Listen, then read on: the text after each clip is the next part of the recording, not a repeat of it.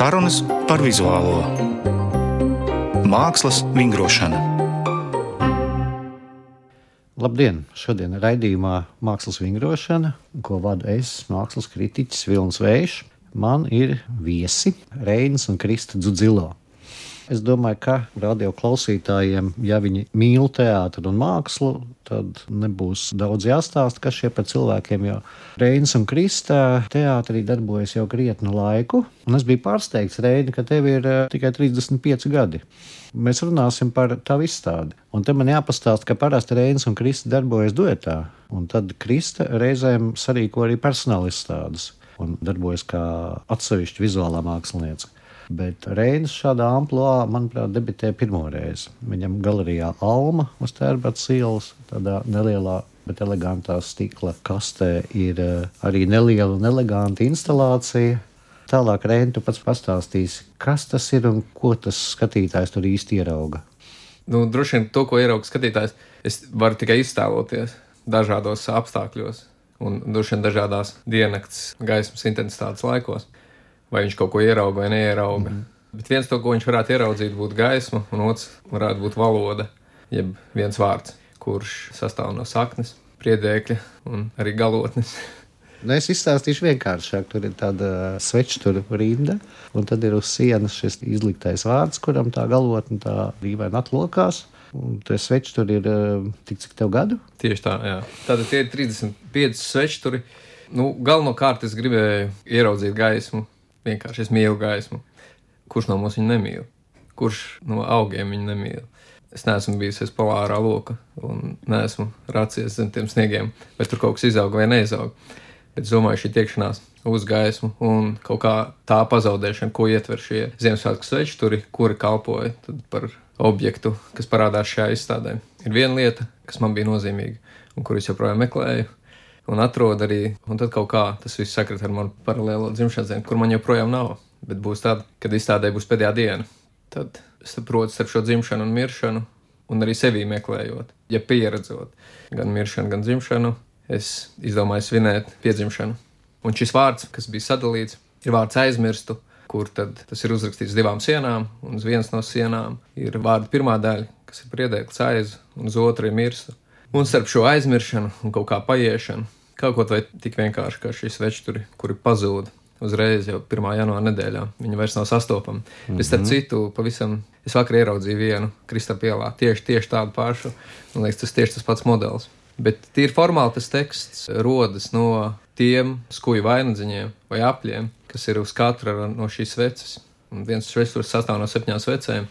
Un tad tas teksts izveidojās nevis no 35, bet no 37 svečturu riņķīšiem skujām un čekuriem, kur, kā es izstāstu ievadā, arī rakstīju, savā dzīvē es esmu pieredzējis 35 dzimšanas dienas, 36 pavasars un 37 ziemas.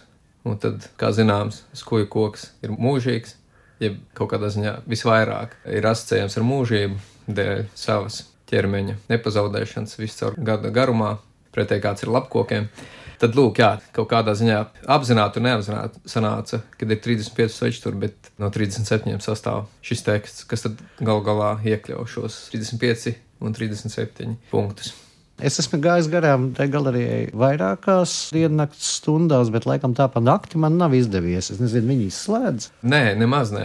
Viņš degs mūžīgi, Aha. vismaz tik daudz, cik izstāda, un es joprojām raugos un ceru, ka neviena lampiņa ja neviena liesma neizdzisīs, viņām nevajadzētu izdzist. Ja viņas visas ir elektriski pievadītas, tas visas ir ledu uguntiņas, kurām šis mūžs ir garāks, mm -hmm. kā, kā klāspuldzēm. Kristē, man jājautā tev šoreiz, tā kā skatītāja lomā, tu šie nepierastā sev attiecībā uz rēņa mākslu. Kā skatītājai, kāda ir tava iespēja par šo izstādi? Bet vai tu esi pārsteigts, ka man ir 34 gadi? Ļoti. jo, manuprāt, jūs tiešām esat jau uh, nopelnījumi bagāti teātris mākslinieki. es nezinu, pat man gribējās teikt, ir atšķirīgi, bet laikam nē, jo tāpēc, ka. Es esmu skatītājs vienmēr, pirmkārt jau darbnīcā, jo man ir šī ekskluzīvā iespēja uh -huh. redzēt treniņu darbus pirmajai. Un tā kā es esmu labi pazīstama ar viņu darbiem un jau daudz gadu garumā, un uh, tad tā saskaršanās par pašu izstādi tādā dzīves nogriezienī nebija pārsteidzoša, bet tik daudz, cik pārsteidzoša ir satikšanās ar mākslas notikumu, kurš kaut ko ar tevi izdara. Jā, un man sanāca tā, ka atšķirība no iepriekšējām jā, kaut kādām reizēm, kā mēs strādājam, vai saskaršanos ar reņģa darbiem, bija tas, ka sanāca, ka reņģa uzbūve bija tieši tajā laikā, kad es biju Berlīnē, un uh, man bija jāudo ļoti agri no rīta, lai es pagūtu uz atklāšanu. Un tas varbūt bija neparasti ar to, ka es pat nepiedalījos vispār instalēšanas procesā. Un, uh, kaut kā es ļoti priecājos par to, jo man liekas, ka parasti es esmu ļoti pacietīga un, uh, un daru tās mazās lietas, kas varbūt ir garlaicīgas, tīri tehniskā izpildījumā. Un tad man bija prieks par to, ka viņam bija pilnīgi iespēja pilnīgi visu to procesu piedzīvot vienam. Jā, un tad, kad es atbraucu, es biju ļoti, ļoti priecīga, aizkustināta. Man liekas, un joprojām liekas, ka izstāde ir emocionāla, ļoti atklājoša, ļoti sāpīga un ļoti skaista caur mhm. šo sāpīgumu. Man šķiet, ka tā ir viena no iedzīgākajām lietām, ko dzīvē atzīt sev, ka viss ir piedzimšanas un nomiršanas cikls. Jā, man liekas, ka es tajā darbā noteikti piedzīvoju šo gan nomiršanu, gan piedzimšanu. Es tev pilnīgi piekrītu, ka pat ja darbs ir redzēts studijā vai darbnīcā, un viņi ieraugi izstāžu zālē vai tajā vietā, kurā viņš ir paredzēts, tas vienmēr ir tāds mazs oh, moments. Droši vien, ka Eina tev arī. Man ieinteresēja tavā tekstā, izstādes pavadošajā, kur tu reflektē par gaismu, kas notiek ar gaismu vai priekšmetu, kad izslēdz gaismu, vai šis pats priekšmets pazūd. Vārds sakot, tur bija diezgan interesanta doma, cilvēki izlasīs, kas vēlēsies. Man tas likās interesanti arī tāpēc, ka jūs abi nākat no tādas tumšas vidas, kas ir teātris, kur šī gaismas ieslēgšana un izslēgšana vienmēr ir kaut kā, nu, viņi nenotiek dabiski kā dzīvē, kad saule uzlec un saule noriet. No kurienes tev tās pārdomas par gaismas ieslēgšanos, izslēgšanos? Jā, tu teici, ka mēs nākam no tumšas un dodoties uz gaismu, bet, ja mēs vēl atgriežamies pirms tam, pirms mēs ejam no, teātrī, tie ir uh, rozīši, kuros nevis mūs sit pa pirkstiem, varbūt pacīm, Jā, tajā brīdī, ja mēs ieslēdzām elektrisko gaismu, tā kā vienmēr ir jāglazno dabīgi apgaismojumā. Un ilgstoši, man liekas, kaut kā vispār bija problēmas ar elektrisko uh, gaismu, bet teātrī vienkārši uzreiz šis atkrīt, ja vienkārši nav logi. Pirmais, lai vispār panāktu gaismu. Tur rīkojies mākslīgi, bet man liekas, arī ne tikai gan latviešu valodā šis lietotais vārds māksla, kuras sakne tikai aiziet mm -hmm. uz mhm. mākslīgi, nekādā gadījumā nenoniecina, manuprāt, un neatņem dzīvību tam procesam. Vienalga, vai tā būtu dabīga gaisma, kas kaut ko izgaismo, vai elektriskā gaisma, kuras gaismā tad mēs ieraugam patiesību. Man liekas, patiesību var ieraugt un saskarties gan pavisam mākslīgos procesos, gan dabiskos. Krista, tev ir lielāka pieredze kā solo māksliniecei. Es zinu, ka arī tev ir paredzēta šajā pašā galerijā personāla izstāde. Cik tu vari atklāt, kas tur būs iecerēts? Jā, man e, būs izstāde uzreiz pēc trēņa. Izstādes nosaukums ir Es visu atceros, un tad es visu aizmirstu. Jā, un sanāca, ka daļa no reņģa instalācijas ietiecas vai komentē manu nākotnes formā. Nu, tīri fiziski tur var nestāstīt, lai mums paliek zināms pārsteigums, bet uh, ideja ir par ko.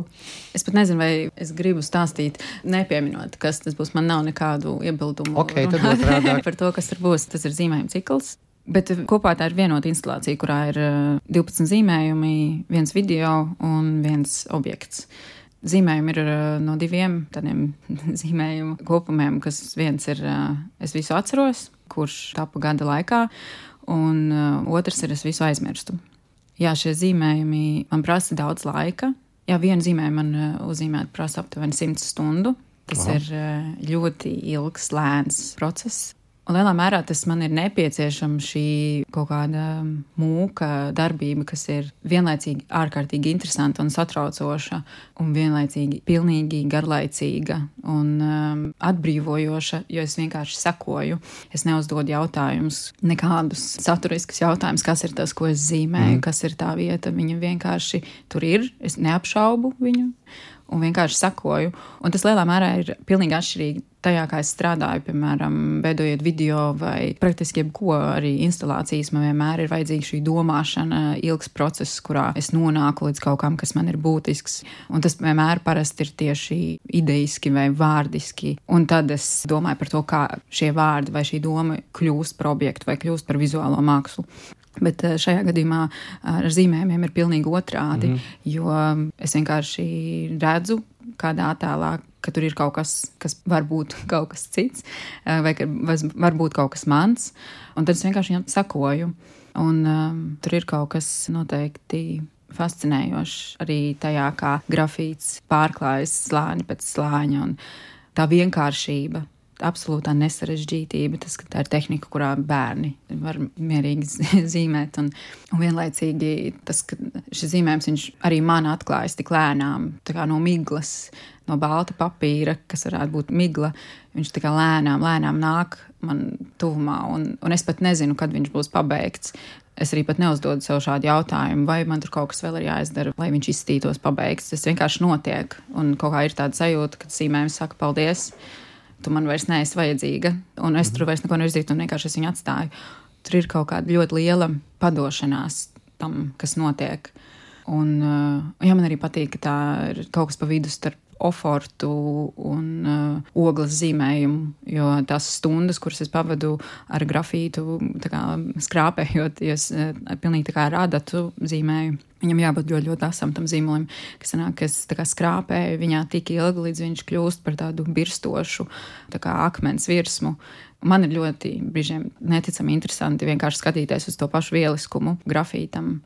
Jā, tas ir um, par šiem zīmējumiem. Bet tā ir daļa no izstādes. Jā, tā ir daļa. Būs vēl. Jā, ir video darbs ar nosaukumu Es redzu, jo video vispār uh, no latīniskā ir Es redzu. un uh, objekts maziņš, kustīgs, ir es dzirdu. Jā, un kopā tās ir trīs daļas. Redz, cik interesanti, Reina, tu pieminēji Rozentāls skolu. Jā. Un pēc tam Kristis izstāstīja šo apbrīnojamo klasisko zīmēšanas mm. veidu. Un mēs pirms sarunas mazliet ar Kristu parunājām. Es uzzināju, ka tu arī mēdzot strādāt tradicionālās tēlotāju mākslas žanros. Es neko tādu Jā. neesmu redzējis. Jā, nu, Kā tev ar to iet? mēdzot, tas būtu pagātnes formā. Reizes to darīju, joprojām zīmēju jebkuru ideju. Tādā ziņā viņi mm -hmm. tiek zīmēti, bet, bet es ne, nekur nepietuvojos atsevišķam zīmējumam. Lai gan dažreiz tie ir maz zīmējumi, bet tas tiešām ir vairāk kā skices. Kā īsts domas, nekā izstrādāti daudzstundīgi darbi, par kuriem runāja Krista. Man ļoti patīk gleznot, agrāk es beidzu arī kā gleznotājs. No, kāpēc tu to nedari? Jā, Reini, kāpēc jā, tu to nedari? Tas ir jautājums, bet uz to es varētu atbildēt arī attiecībā par šo izstādi, ko sākumā teicu, ka šī ir pirmā. Man tiešām ir visu laiku bijis sajūta kaut kādā ziņā, viss, kas ir bijis mums kopā, visi darbi ir eh, reizē tikpat atsevišķi, nevis tikpat atsevišķi tādā ziņā atdalāmi, bet reizē es jūtos piepildīts tajā un nav nekāda nepieciešamība. Un ilgu laiku man vispār nebija nepieciešamība nevis vizuālās mākslas nepieciešamība, jo vizuālo mākslu es vienmēr, un arī Kristi vienmēr atrodu teātrī. Tā kā tādā ziņā mēs vienmēr domājam, tas, ko mēs darām teātrī, ir vizuālā māksla. Mēs noteikti pret to attiecamies un pieejam tikpat rūpīgi tam un uh, atdevīgi. Un ilgstoši manī nebija nepieciešamība. Arī pirmie darbi, kurus mēs radījām kopā, nenāca tik viegli un ātri. Ļoti ilgstoši. Krista man mēģināja pārliecināt vai mm -hmm. kaut mhm. kā, bet man liekas, ka ir pietiekoši un gana. Bet jā, ir arī brīnišķīgi nonākt tikai un vienīgi koncentrētā vizuālajā mākslā. Un tas tā ir bijis jau sākot no 15. gada, un ir joprojām. Un kaut kādā ziņā mirkļiem šīs robežas šķērsojot, šīs nozīmes mainās, bet kaut kā tā sajūta ir līdzīga, lai gan viņi ir atšķirīgi. Vai mēs varam kaut ko gaidīt vēl? ja es domāju, ka jā, nu, tas ir droši vien atkarīgs. Tad pirmkārt man ir jādzīvo. Otrkārt, griba man ir darīt kaut ko un darīt kopā arī var šādi. Bet, uh, bet uh, mums pavisam drīz būs grupas izstāde, kurā mēs abi piedalāmies, bet katrs ar savu darbu. Tā kā es zinu, Pareizi, jā. Vienkārši šī izstāde nāk tik ilgi, viņai vajadzēja jau notikt sen. Tā ir Lauža Brokānas veidot izstāde, kas veltīta depresijai un sadarbībā ar Pauls Rodiņu medicīnas vēstures muzeju, kurā ir jānotiek šī izstāde jau sen, un tad varētu būt, ka nu, gal galā šajā pavasarī viņa būs. Jā, Renim būs objekts, un man būs video pilnīgi Ok. atsevišķi darbi. Bet, lai gan arī par šo darbu, kur tu teici, tas ietver, ja ņemot vērā mūsu sarunu un klātsamību vienam otram, šī saruna turpinājās arī šajā izstādē. Kā jūs varējāt novērot, jau Krista pieminēja izstādes nosaukumu. Tad Krista jau gādu kā zīmē zīmējumus, tas ir nosaukums, es visu atceros. Un tas ļoti tieši atspoguļo viņas psihisku darbību. Nevis psihisku, bet vienkārši raksturu darbību, ka viņa patiešām visu atcerās. Un man ir diezgan pretēja bieži vien parādība, ka es visu aizmirstu. Un šī izstāde, un jau tad, kad Krista jau gada kā zīmēja šo zīmējumu ciklu, es teicu, ka es noteikti viņai atbildēšu ar ā, es visu aizmirstu. Un šī atbildes, jeb šis viens vārds tiek ietverts, kas reizē kļūst arī par kaut ko citu. Bet tā ir dialoga turpinājums. Un pēc tam savukārt Krista pieliek vēl vienu nosaukumu. Es visu atceros, un es visu aizmirstu, kurā man šķiet, ka viņa ir atbild tālāk. Ah, gan sev, tad, gan tad eh, iznāk apgrieztā secībā mm -hmm. tāda saruna. Jā,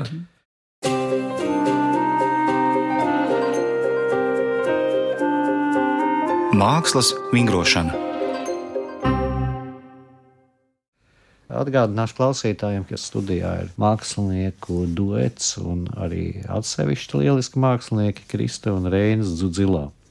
Tagad mēs parunājām par Reņa jauno izstādi, kas ir skatāma galerijā Alma. Starp citu, katram garām gājējam, jebkurā diennakts laikā. Un mēs gaidām Kristus izstādi tajā pašā vietā. Bet lielākoties, protams, Kristus un Reinas ir jau ilgstoši, zinām, teātris pasaulē, kā scenogrāfu un kostīmu mākslas pāris un strādājuši ar lieliskiem režisoriem un iespaidīgiem uzvedumiem. Jūsu jaunākais vai līdz šim pēdējais darbs ir, ja nemaldos, Rīgas Krievijas teātrī. Jā, tas tā ir. Droši vien tie būtu divi. Viens, eh, kurā mēs veidojam scenogrāfijas un kostīmus un video. Lai gan šajā gadījumā nebija video, bet ko mēs apzīmējam ar vizuālo dramaturgiju, bija suņu sirds, kas mm -hmm. bija Rīgas Krievijas teātrī kopā ar režisoru Dmitriju Petrenko.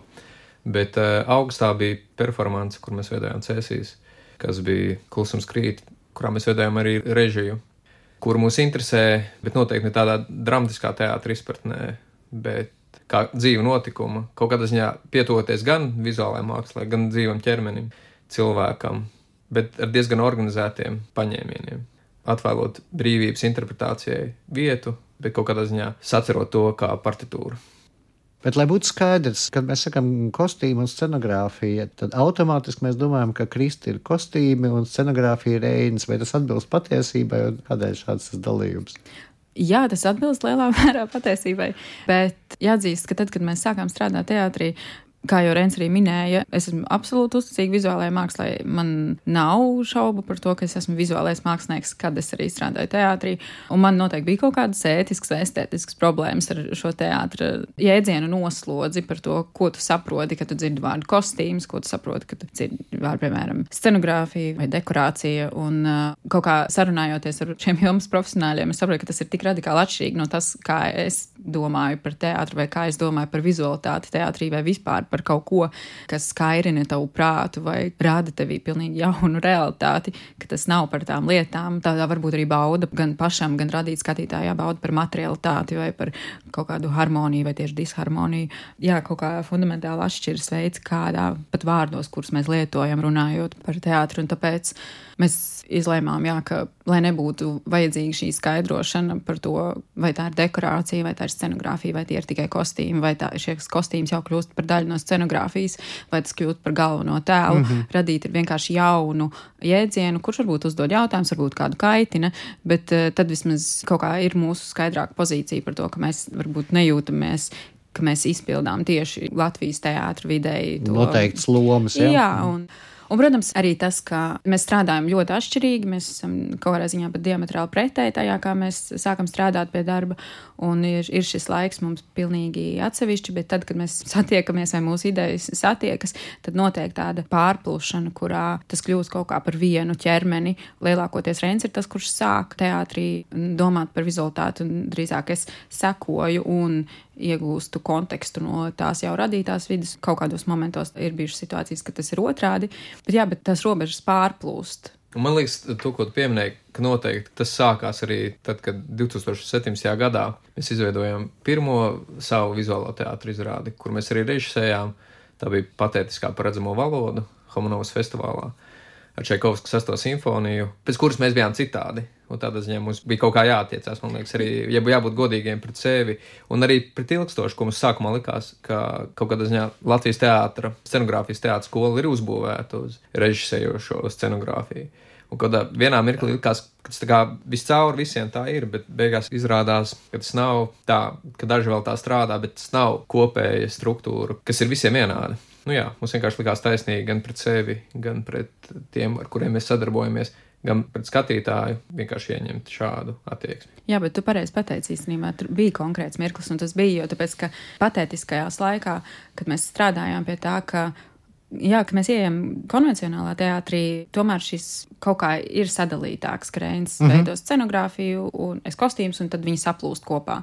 Un tur jau tur, kura ideja ir, kura tam vairs nav nozīmes, tas ir mūsu kopējais darbs. Bet tad, kad mēs strādājam atsevišķi un veidojam arī visu izdevību, arī režiju, tad gan jā, tad bieži vien es arī esmu arī scenogrāfs un reins atbild par to, kas cilvēkiem būs vai kādi viņi izskatīsies. Laikam, kad es varu tādu vienu skaidru, kur es kaut kā es jutos, jā, ka es kaut kā debitēju kā scenogrāfs, bija tagadnē, kad mēs taisījām operu, kameru operu Hansa Speronā. Tad eh, tā scenogrāfija, varētu teikt, ka tas sākums bija no manis. To es tiešām atceros, bija pavisam okay, aizmirsis. Domāju, ka eh, Reina, tu esi pieķēries atsevišķu kostīmiem? Uh, nē, nu Jā. šajā gadījumā, ko Kristis saka, tas tā ir.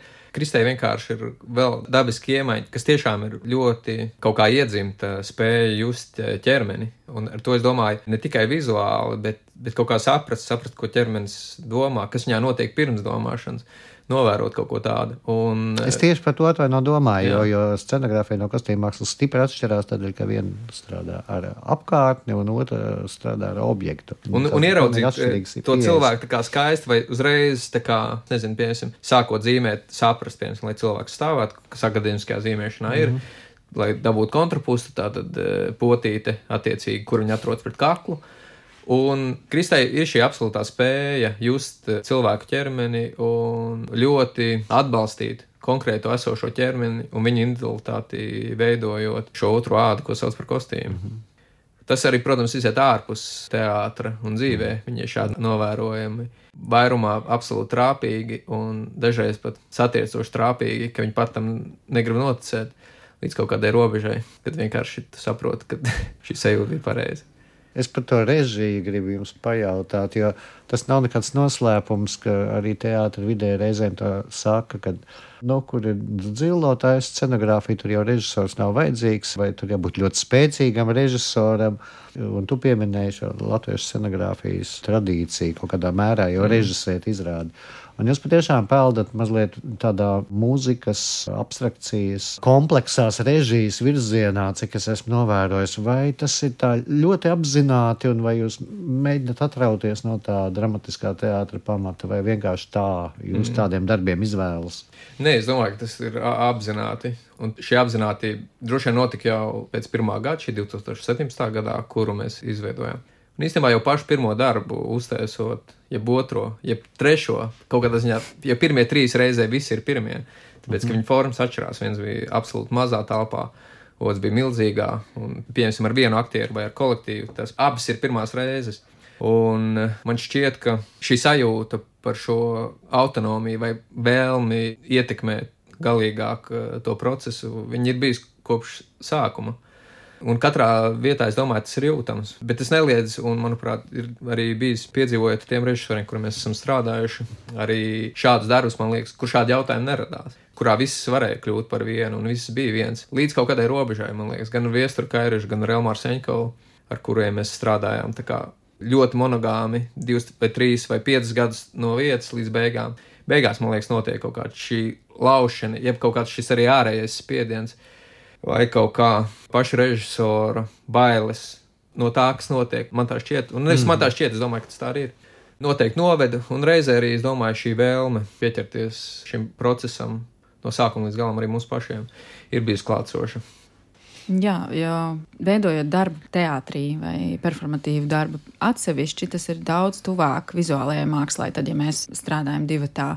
Jo tad, pirmkārt, ir telpa, kurā iegremdēties vairāk, un, un mūsos noteikti ir mazāk baiļu no skatītāja, Man šķiet, ka skatītājs var būt garlaikots kaut kādā ziņā. Ir iespējams teātrī padarīt garu laiku, vai garlaicību, vai lēnu kustību par kaut ko brīnumainu, vai kaut vai it kā pretēji izklausās kaut ko garlaicīgu par ļoti interesantu. Mhm. Bet, piemēram, strādājot ar kādu trešo cilvēku, kas ir, piemēram, režisors, būtu kaut kādā ziņā nejēdzīgi uzspiest mūsu izpratni vai mūsu estētiskās vai ētiskās normas vai rāmjus šim cilvēkam. Un, un sanāk, ka tās ir mūsu nevis dialogs, bet trialogs, kurā ir jādod jā, brīvība šim cilvēkam rīkoties arī ar saviem instrumentiem, ar aktieru un ar skatuves laiku viņa izpratnē.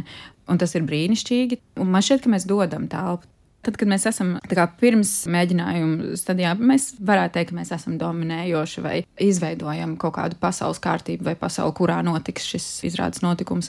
Bet tiklīdz kā ir mēģinājums vai jā, kad režisoram ir iespēja strādāt ar saviem instrumentiem un ar, ir kā, būt veidot savu realitāti, mēs esam varbūt komentējoši, tas ir nepieciešams, bet mēs dodam uzticību un uzticamies tam cilvēkam, ar kur mēs strādājam. Bet savukārt ir vajadzīga arī šī iegremdēšanās pilnīgi darbā, un tas ir iespējams tikai tad, ja mēs viņu taisām divatā. Jā, nu, varētu teikt, tajā brīdī, kad mēs strādājam kolektīvi, tik un tā, man liekas, tā struktūra mums ir ārpatīk svarīga. Un tieši vizuālā dramaturģija un tieši laiks, kā tas iziet cauri, ja mēs vērojam, kā kino piemēram, iedomājieties, izrādīt desmit kadros, tas ir būtiski, lai notiktu šie dzīves procesi. Un kādā ziņā mirkļiem, tāpēc, ka es mīlu arhitektūru, arī es salīdzinu to ar arhitektūru, jeb celtni, kurā tad notiek šis rituāls. Bet e, man liekas, to, ko Krista runā, ka vienkārši tajā brīdī, ja mums uzbūvēta ir šī celtne un arhitektūra, tad attiecīgi šo rituālu, tajā brīdī, ja mēs varam sākt režisēt, vienkārši tu vari vēl atbildēt par šo rituālu galīgi. Un tas e, vienkārši daudzreiz ir nepieciešams. Daudzas reizes ir bijušas, mēs esam runājuši par to jau daudzus gadus atpakaļ, ka norit mēģinājums, un tad kā es radīju godīgi, cik nu tu vari godīgi šo telpu rituālam vai kaut kādam notikumam.